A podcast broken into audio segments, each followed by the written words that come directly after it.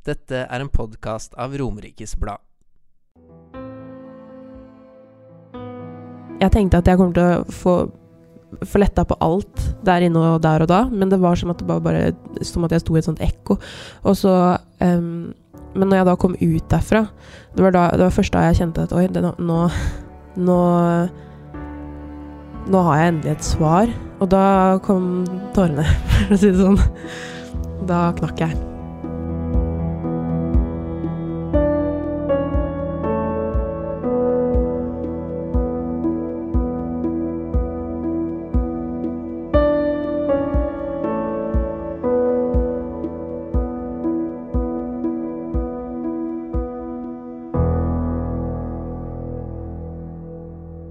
Dette er jo et øyeblikk i ditt eh, liv, Mia Vik. Eh, velkommen hit til oss i et øyeblikk med Seim og Seigerud. Tusen takk. Og velkommen til deg, Tina. Tusen takk, eh, Siri. Eh, dette øyeblikket det skjedde jo for et par år siden. Ja. Men når er det du egentlig forsto at det var noe med deg som ikke stemte helt? Eh, det begynte egentlig allerede når jeg Det høres litt sånn Nå er vi rett på sak, men det begynte når jeg fikk mensen. Eh, når jeg var sånn 13, eh, så begynte kroppen min å endre seg veldig. Eh, og jeg forsto liksom meg aldri helt på den. Og man blir jo fortalt som ung jente ikke sant, at ja, nå, nå begynner endringene i kroppen. Jeg tenkte bare herregud, er det vanlig å gå rundt og ha vondt hele tiden? Både i liksom bekkenet og, og, og beina, og liksom føle meg øm og sånne ting. Um, så det begynte ganske tidlig, og kroppen min endra seg veldig fort. Um, og som ung jente så kan jo det være litt vanskelig å forholde seg til. Uh, for det er jo mange, det my, det er mye press liksom, rundt omkring på hvordan man skal se ut og hvordan man skal være. Så jeg husker at jeg syntes det var ganske vanskelig. Um, og det, det, det begynte jo da å bli vondt da, å være meg, på en måte. Fordi jeg hadde jo fysiske smerter, men også hang meg veldig opp i dag at kroppen min utvikla seg sånn som, sånn som alle andres. Um, og jeg hadde aldri egentlig trodd at det var en sykdom. Um, fordi man blir jo forklart at det bare er sånn det er å være kvinne. Um, eller at man skal bite det, bite det i seg. Uh, men når jeg da fant ut av det, at det var noe gærent med meg, da, både at jeg hadde endometriose, men også at jeg har da lipidem, så um, gjorde det veldig mye med meg, egentlig. Da fikk jeg litt sånn vondt eh, over de åra jeg hadde gått gjennom og følt at, um, at det var noe gærent med meg for den jeg var, og ikke for at det var en sykdom, på en måte. Så ja. Mm. Og nå nevner du jo også diagnosen, da, Ja. som er lipødem. Ja. Um, og det er det jo ikke så veldig mange som kanskje har et forhold til eller har hørt om. Og vi må jo innrømme, Tina, at uh, vi visste det ikke. Eh, vi måtte til og med google det, og jeg må ha med notater for å kunne forklare hva det faktisk er. Ikke sant? Det er sånn man har hørt om, men som man egentlig ikke Man har hørt ordet, men veit egentlig ikke helt eh, hva det innebærer. ja. Men i hvert fall så er det jo en sykdom eh, Mm. som hovedsakelig rammer kvinner. Ja. Men man vet ikke fullt hva som er årsaken til den, i, ifølge lymfødem- og lipødemforbundet i hvert fall. Eh, men at det kanskje kan gå i arv eller i familiære forhold. Mm. Eh, og at det skyldes eller kommer i forbindelse med hormonelle endringer. Mm. Eh, og enkelt forklart så er sykdommen en tilstand hvor man har unormal ansamling av fett. Ja. Mm. Og da er det jo Det er jo sånn, har jeg skjønt, da, uh, uten at jeg kan veldig mye om dette her, som jeg allerede har avslørt. Men da er det jo sånn at det, det funker ikke å bare altså, gå på dietter, uh, prøve å, å slanke seg. Disse tingene uh, funker ikke når man har lipødem, og det fikk vel også du erfare, Mia? Ja. ehm, og, ja. eh, litt tilbake til det med at når man er ung og, og kroppen er i endring osv., og, så videre, og man vil passe inn i noe, ikke sant. Eh, det, jo, det har jeg innsett nå, det har jo aldri vært noe gærent med meg, eh, liksom hvordan jeg har sett ut, men man henger seg jo som opp i det som ung jente. Så jeg prøvde jo å slanke meg da. Prøvde jo alt mulig, ikke sant, for å liksom passe inn i det som skulle være idealet, på en måte. Det gikk jo aldri, det, men det var ikke som sagt noe gærent med meg.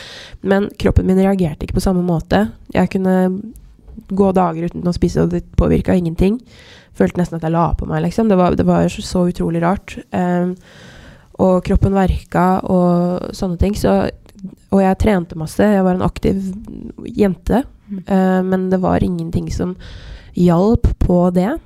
Um, Snakka du med liksom altså andre om at du følte deg unormal, eller at du At det var noe som ikke stemte? Eh, ja, jeg snakket mye med foreldrene mine om at jeg ikke var Eller jeg sa, ikke alt, jeg sa det kanskje ikke rett ut. At sånn Jeg føler dette, men det var, det var Jeg turte ikke vise meg. Jeg turte ikke gjøre vanlige ungdomsjenteting. Uh, jeg turte ikke gå i shorts. Altså sånn Jeg forsto meg ikke på kroppen min. For den ut ifra alt som sto på nett og sånne ting som skulle funke, så var det ingenting som funka for meg. Og det, som sagt, jeg trengte jo aldri å slanke meg. Jeg var jo fin nok som jeg var. Mm. Men når du er ung og du oppdager kroppen på den måten, så, så blir det veldig sårt, da. Ja, klart det. Og det, i Mm. den alderen, så altså det eneste man vil, og det eneste som betyr noe i hele verden, er jo på en Mm. måte å passe inn og være som de andre, og ikke skille seg ut på Ja. noen som helst måte. Det er jo fælt, men det er jo faktisk det. det man vil jo bare passe inn. Så um, det var på en måte sånn jeg begynte å forstå at det var noe gærent med kroppen min, i tillegg til alle smertene Mm. som fulgte med. Men um, når jeg fikk påvist endometriose, så trodde jeg også at det var mye av grunnen til at jeg hadde vondt ellers i kroppen. Ja, ikke sant. Uh, fordi man hørte jo at det kunne være nerver og sånne ting ikke sant, som hadde blitt påvirka. Men uh, det er utrolig at det har blitt borte nå. Etter operasjonen så har jeg nesten ikke vondt andre steder enn der hvor det er endometriose, heldigvis. da. Nei, det er jo kjempebra. Ja. Men var det, var det noen som noen gang nevnte lipødem for deg når du var uh, så ung, på en måte? Og, og ikke minst tenker jeg sånn Én En ting er jo at man kan føle at noe ikke stemmer, eller at det er noe, men Mm. så er man jo midt i puberteten, som du Ja, ja. sier, og, og man er jo kanskje usikker på hvordan det skal kjennes, liksom. Ja, ja. Er det eh, på en måte imponerende at du skjønte at det var noe som ikke stemte? Ja. eh, Det var aldri noen som sa til meg at det var det det kunne være. Um, og det som er så rart, er jo at i, samfunnet så er det jo veldig mye stigma rundt fett. Og alle føler at de har noe å kommentere på når det kommer til fett og kropp. Der er det liksom greit å si noe, i hvert fall på jenter, tydeligvis. Noe jeg er helt uenig i. Men um, det var liksom aldri et, et det, var aldri et spørsmål om det skulle være en sykdom eller noe sånt. Det var bare ta deg sammen, slank deg. Eller sånne ting. Så det var, det var ikke mm, Det var aldri noen som sa noe på det. Uh, og jeg vet ikke, jeg følte i hvert fall ikke at kvinnehelse var en greie når jeg vokste opp. på en måte. Det var enten er du sånn, eller så er du sånn. Men det hadde ikke noe særlig skille på kjønn å gjøre, liksom. Jeg hadde jo aldri hørt om kvinnehelse før jeg var 18, Nei, ikke sant. egentlig. Men hvordan, um, hvordan går det an å forklare hvordan påvirka det deg det at du ja, følte deg annerledes og hadde eh, fettansamlinger eller lipødem, da? Eh, hvordan blei livet vanskelig for deg, på en måte? Fikk du mye kommentarer, stygge Ja, dessverre. Ja. Eh, men eh, det, som sagt så trodde jeg at, det- at jeg bare var sånn, ikke sant? Eh, og det er jo mange som kan se ut som jeg så ut som, og at de er friske. Mm. Det har ikke nødvendigvis noe med det å gjøre. Folk kan ha store fettansamlinger med lipidem og ikke ha vondt. Noen kan ha lite og ha veldig mye vondt, ikke sant? Så det er, det er jo veldig forskjellig. Mm. Um, men det påvirka meg veldig mye um, sånn um, Fordi at jeg liksom det, det var jo aldri noen som sa noe til meg at det kanskje kunne være en sykdom. Så du, du går jo rundt og føler deg utilpass hele tiden, men du får aldri svar, da. Ikke sant? Tenkte at du Mm. kanskje kunne gjort noe med det ved å Mm. slanke deg? Ja, ikke sant? Mm. Så ja. Og så var det jo, hvis jeg har forstått det rett, så får du jo en sånn tunghetsfølelse i beina. Ja, og sånn veldig. som gjør at du liksom Ok, greit, du går ut og trener og spiser mindre og gjør sånn tiltak som på en måte kanskje er hvermannsen sitt råd hvis man på en måte føler seg litt ubekvem og er ja. ja, ja, har noe man, må jobbe med, da. Eh, men det er jo ikke like lett da når én, det er smerter, to, det er jo en helt annen måte å forholde seg til kroppen ved trening. Det er en sånn tyngdefølelse.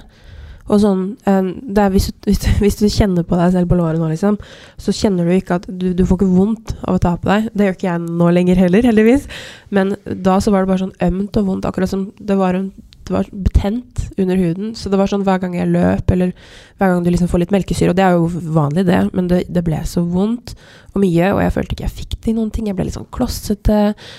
Um, og mm, endte jo med at og Det som er så synd med lipidem, er jo at man vil jo gjerne være frisk. Man vil trene, man vil gå ned i vekt, eller man vil beholde vekten som den er, men det er også ikke alltid like lett med lipidem.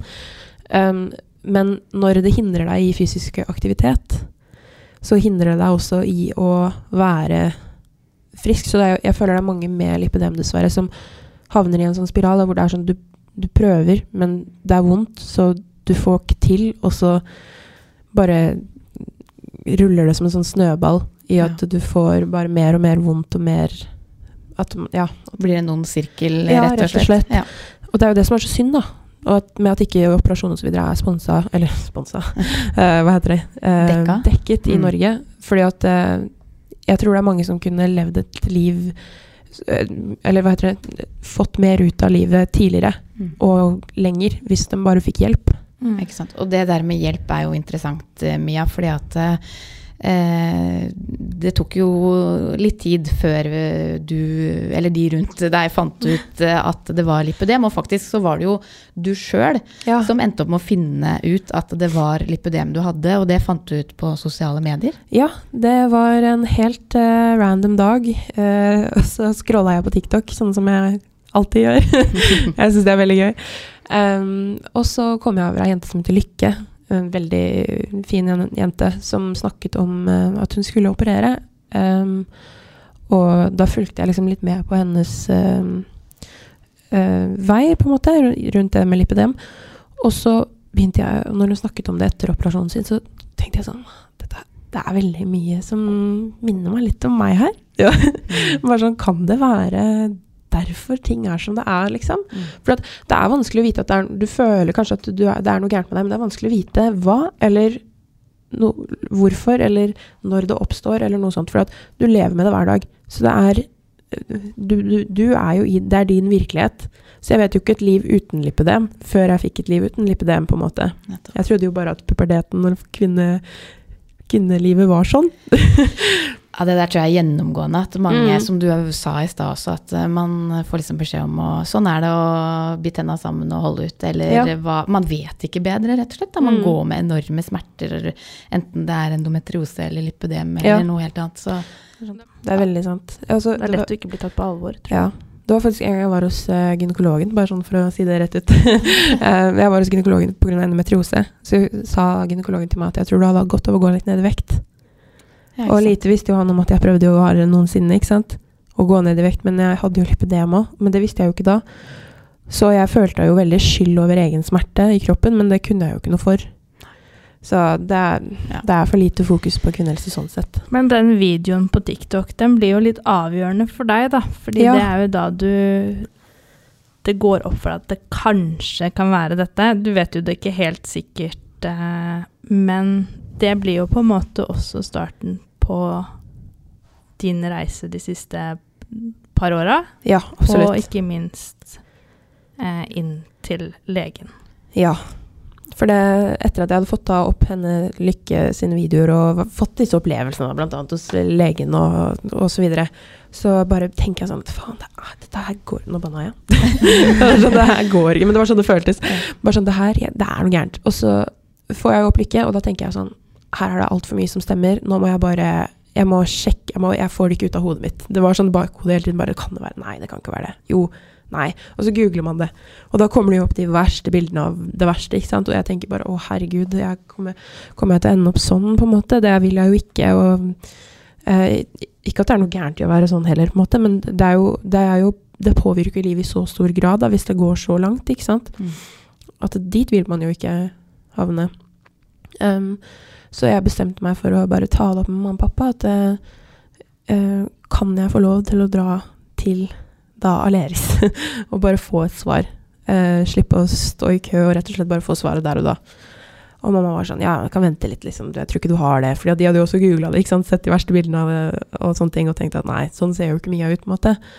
Um, men jeg fikk det ikke ut av hodet mitt, så sa jeg til mamma jeg må, jeg må få svar. Så jeg bestilte time og dro dit, og um, møtte da hun som også da er kirurgen min, da. Um, og hun sa hun så på meg, og så fortalte jeg jo de symptomene jeg hadde, og så sa hun bare sånn Ja, men det er ikke noe, det er ikke noe tvil, det er jo det du har.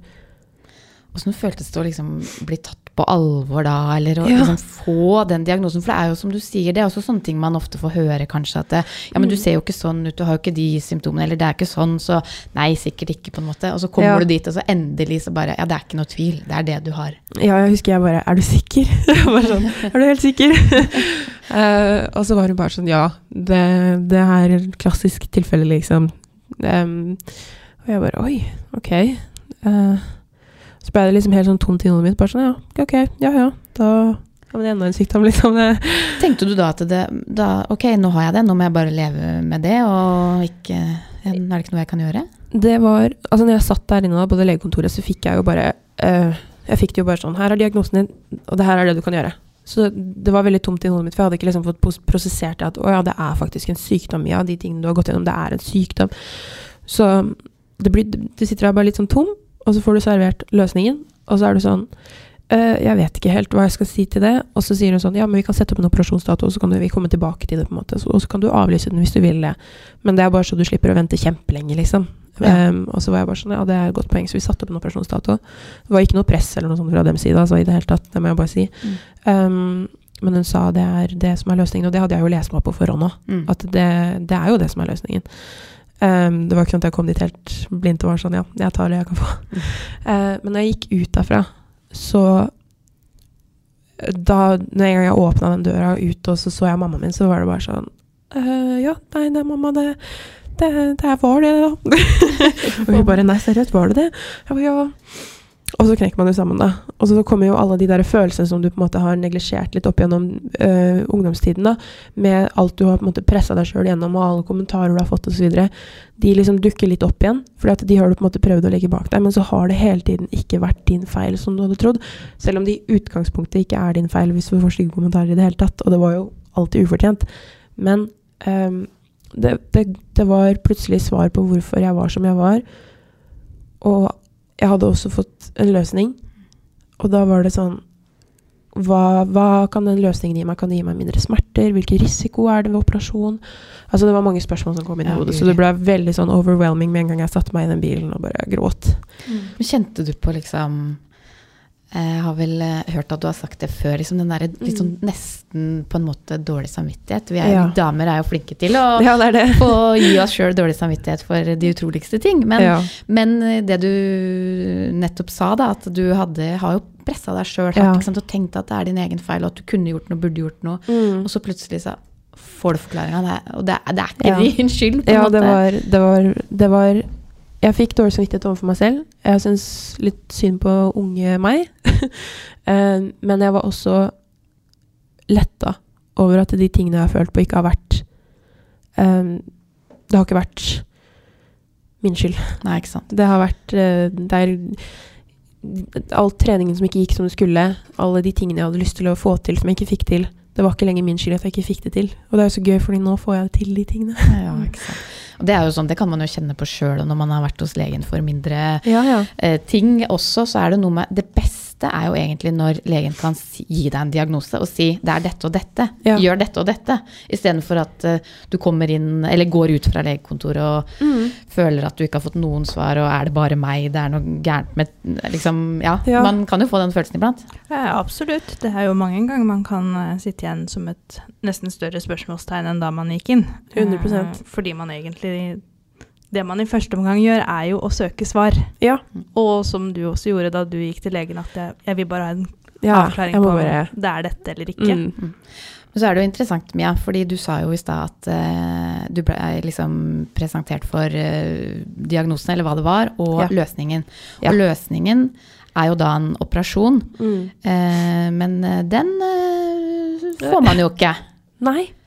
Da jeg fikk eh, Hun sa ehm, Der har du lipidem, der har du lipidem, og der har du lipidem.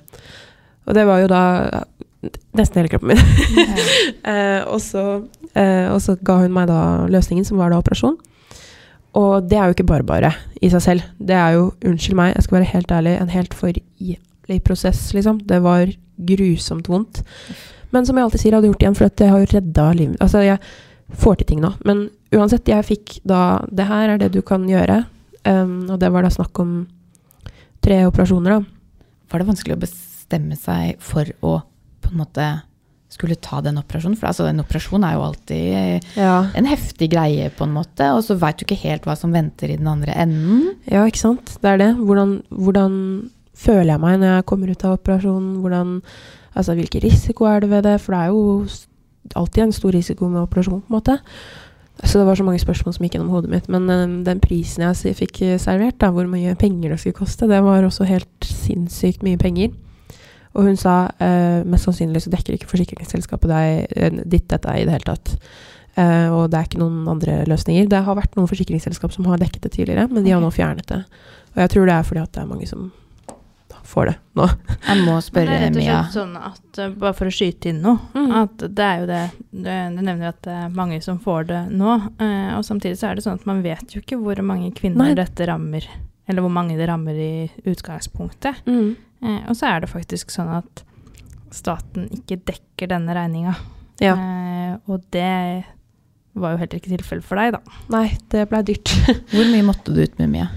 Em, det er jo veldig det, det er, Jeg får veldig mange meldinger fra folk um, som tror de har lipidem, eller som har fått diagnosen, og så spør de meg Mia, hva betalte du på en måte for, for det her, for å bli friskere? Um, og da sier jeg alltid at det, det varierer veldig, for det, du kan liksom ha enda mer enn meg, du kan ha enda mindre enn meg, du kan ikke nødvendigvis måtte ta alle områder, så det, det må bare si at det varierer.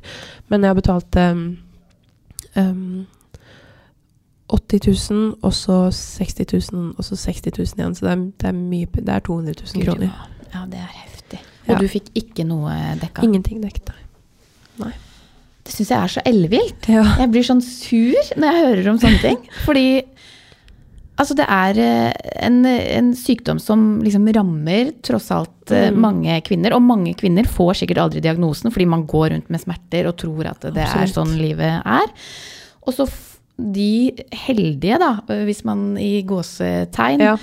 eh, som får en diagnose, og som på en måte blir presentert for en mulig løsning også, eh, og liksom sikkert blir kjempeglad for det, og Ja. så skal du få i fleisen at Men nei, Ja. du får ikke noe penger til det, lykke til.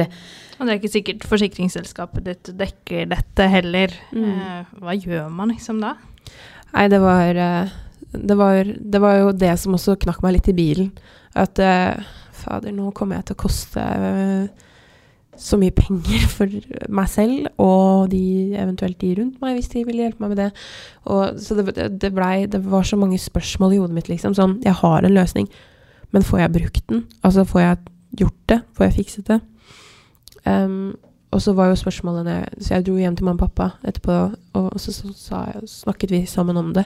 Så sa jeg sånn Jeg kan godt liksom Vi kan ta øke boliglånet på leiligheten min, eller et eller annet, bare sånn at jeg har muligheten til liksom å få gjort det. Og så sa de sånn at nei, men de ønska å hjelpe meg, da. Så det var Og bestemoren min også ønska å hjelpe meg, så det var jo det snilleste noen noensinne har gjort for meg, tror jeg. Um, jeg står jo evig gjeld til de, det sier jeg alltid. Um, men eh, Så jeg var heldig, da, at jeg hadde løsningen. Ja, det er jo faen- Muligheten til å ta den. Det er jo kjempefantastisk. Ja, det er helt fantastisk. Ja. Men jeg tenker også sånn Du er jo 23 år. Ja. Det er jo ganske sånn heavy regning å få i fleisen i begynnelsen av 20-åra når du skal tenke på boligstudier, Ja. kanskje først og fremst. Men hvor livet liksom ikke akkurat er der man kanskje stiller sterkest økonomisk, da. Nei, det er akkurat det. Så det var, det var Det var jo ikke et Det var ikke sånn at når jeg hadde svar inn hos legen, så tenkte jeg å ja, kjør på, liksom. Fordi det, det er jo et annet spørsmål som må løses også, det er det økonomiske. Noe man ikke trenger å alltid ta stilling til med andre sykdommer, da, som gjerne er dekket av staten. ikke sant? Så det er jo enda et spørsmål inne i bildet her. Eh, og det som er så utrolig trist, er jo at jeg får jo meldinger fra veldig mange.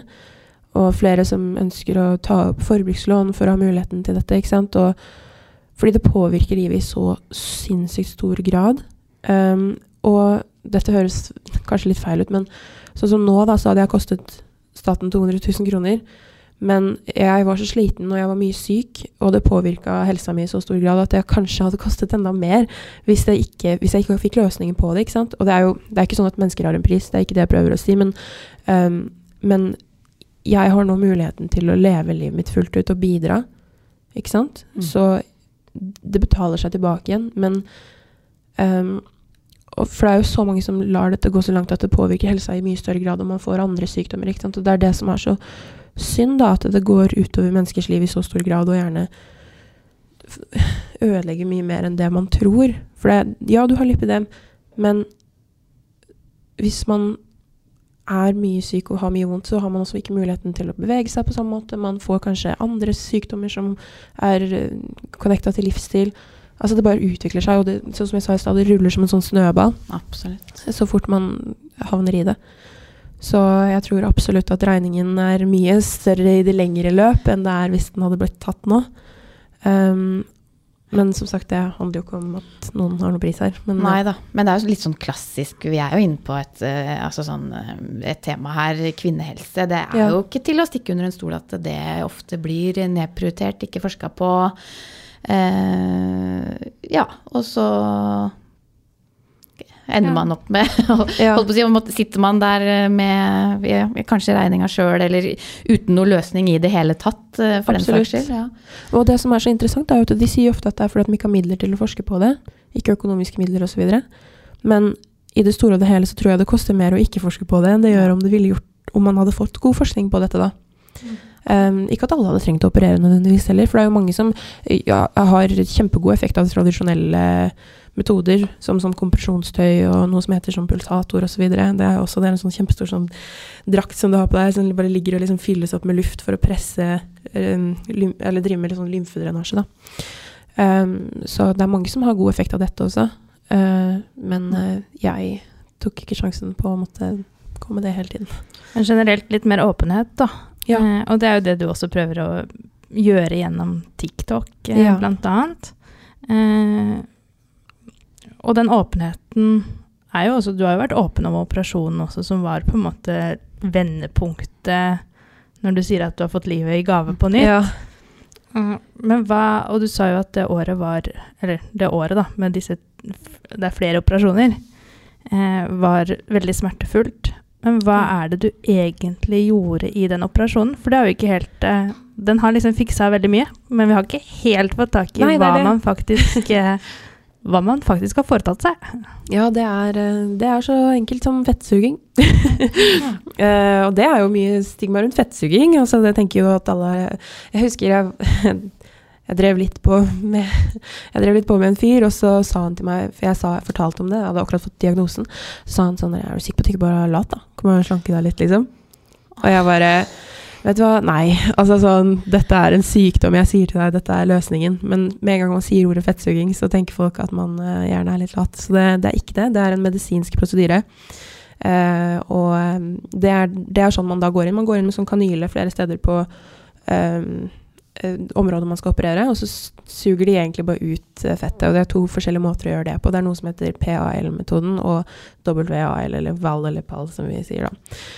Um, så mange forskjellige måter å få det ut på, men det er i hvert fall sånn det gjøres. da. Og da fjerner de det betente sykevevet. da. Altså den Mm. fettansamlingen som på en måte ikke lar seg fjerne med trening. Ja. Eller eh, Mm. slanking eller dietter, eller hva man måtte velge å kalle det. ja. Det er en mye, mye mer Altså, en lipidemoperasjon er ikke en vanlig sånn kosmetisk fettsuging. Det er en mye dypere, mer intens uh, greie, da. Så det er ikke Det er ikke lett.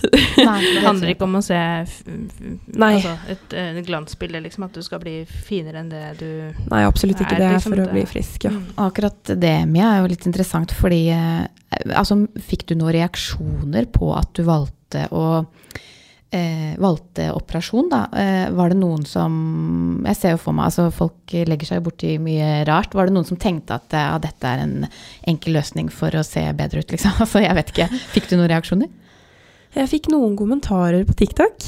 Ehm, heldigvis ikke så mange, men eh, det var, eh, det var spesielt én video jeg la ut hvor det var, det var Da lå jeg på sykehuset, faktisk. Jeg husker nesten ikke at jeg lagde den videoen engang. Men jeg, jeg la den i hvert fall ut, og der var det mange stygge kommentarer. Eh, det var det at jeg valgte en lett løsning, og kvinnehelse burde ikke prioriteres og sånne ting. Og ja, det var alle mulige argumenter for egentlig ikke å gjøre noe som helst med problemet, da. Um, så det var veldig rart. Men etter det så har jeg bare fått gode tilbakemeldinger. Jeg fikk noen kommentarer en gang på at jeg bidro til eh, kroppspress. Eh, men da måtte jeg bare si tilbake igjen at eh, jeg kan forstå at det kan se sånn ut fra akkurat den videoen her, men eh, hvis du har disse symptomene, så burde du sjekke deg for lipidem. Fordi jeg mener ikke at det er noe gærent med førbildet her i det hele tatt. Jeg mener sånn utseendemessig. Jeg mener kun at hvis du har disse symptomene og føler deg dårlig og syk, så burde du sjekke deg. For man kan se, det er det som er så interessant, for man kan se helt normal ut og ha lipidem. Eh, eller selvfølgelig har man jo noen karakteristiske ting, da, men det, det var jo sånn jeg ikke skjønte at jeg hadde Mm. det, før det var ei som så ut som meg, som viste det. Ikke sant. Det kan jo noen ganger kanskje gjøre det enda vanskeligere. Hadde man Ja. sett ut som disse noen av disse bildene hvor det er veldig veldig tydelig at det er det ene eller det Mm. andre, så er det jo kanskje lettere å få en diagnose. Mens når du er litt sånn i Og så har du vel erfart også at det er ikke utseendet. At du fikk en litt sånn åpenbaring på Ja. at eh, Eller etter operasjonen, da, så Ja. har du vel fått en åpenbaring på at eh, det kanskje ikke handler om hva man ser i speilet, men uh. 100 Jeg trodde at um, Fordi man, har, man har jo alltid slitt litt med selvtilliten, altså selvbilde og sånne ting opp gjennom tiden. Jeg føler det er vanlig um, som ung, ung, rett og slett. Ja. Eh, I hvert fall nå med sosiale medier og sånne ting. Eh, så det skal jeg ikke legge skjul på at jeg har gått rundt og trodd at jeg Ja. At, at, ja. Eh, så um, Men Og jeg tenkte at når jeg sk- når jeg fikk da operasjonen, tenkte jeg ja, ja, kanskje jeg kommer til å føle meg litt bedre sånn med meg selv da, når den her er ferdig. Men det var ikke sant i det hele tatt. Det var nesten egentlig mer enn knekk rett etterpå.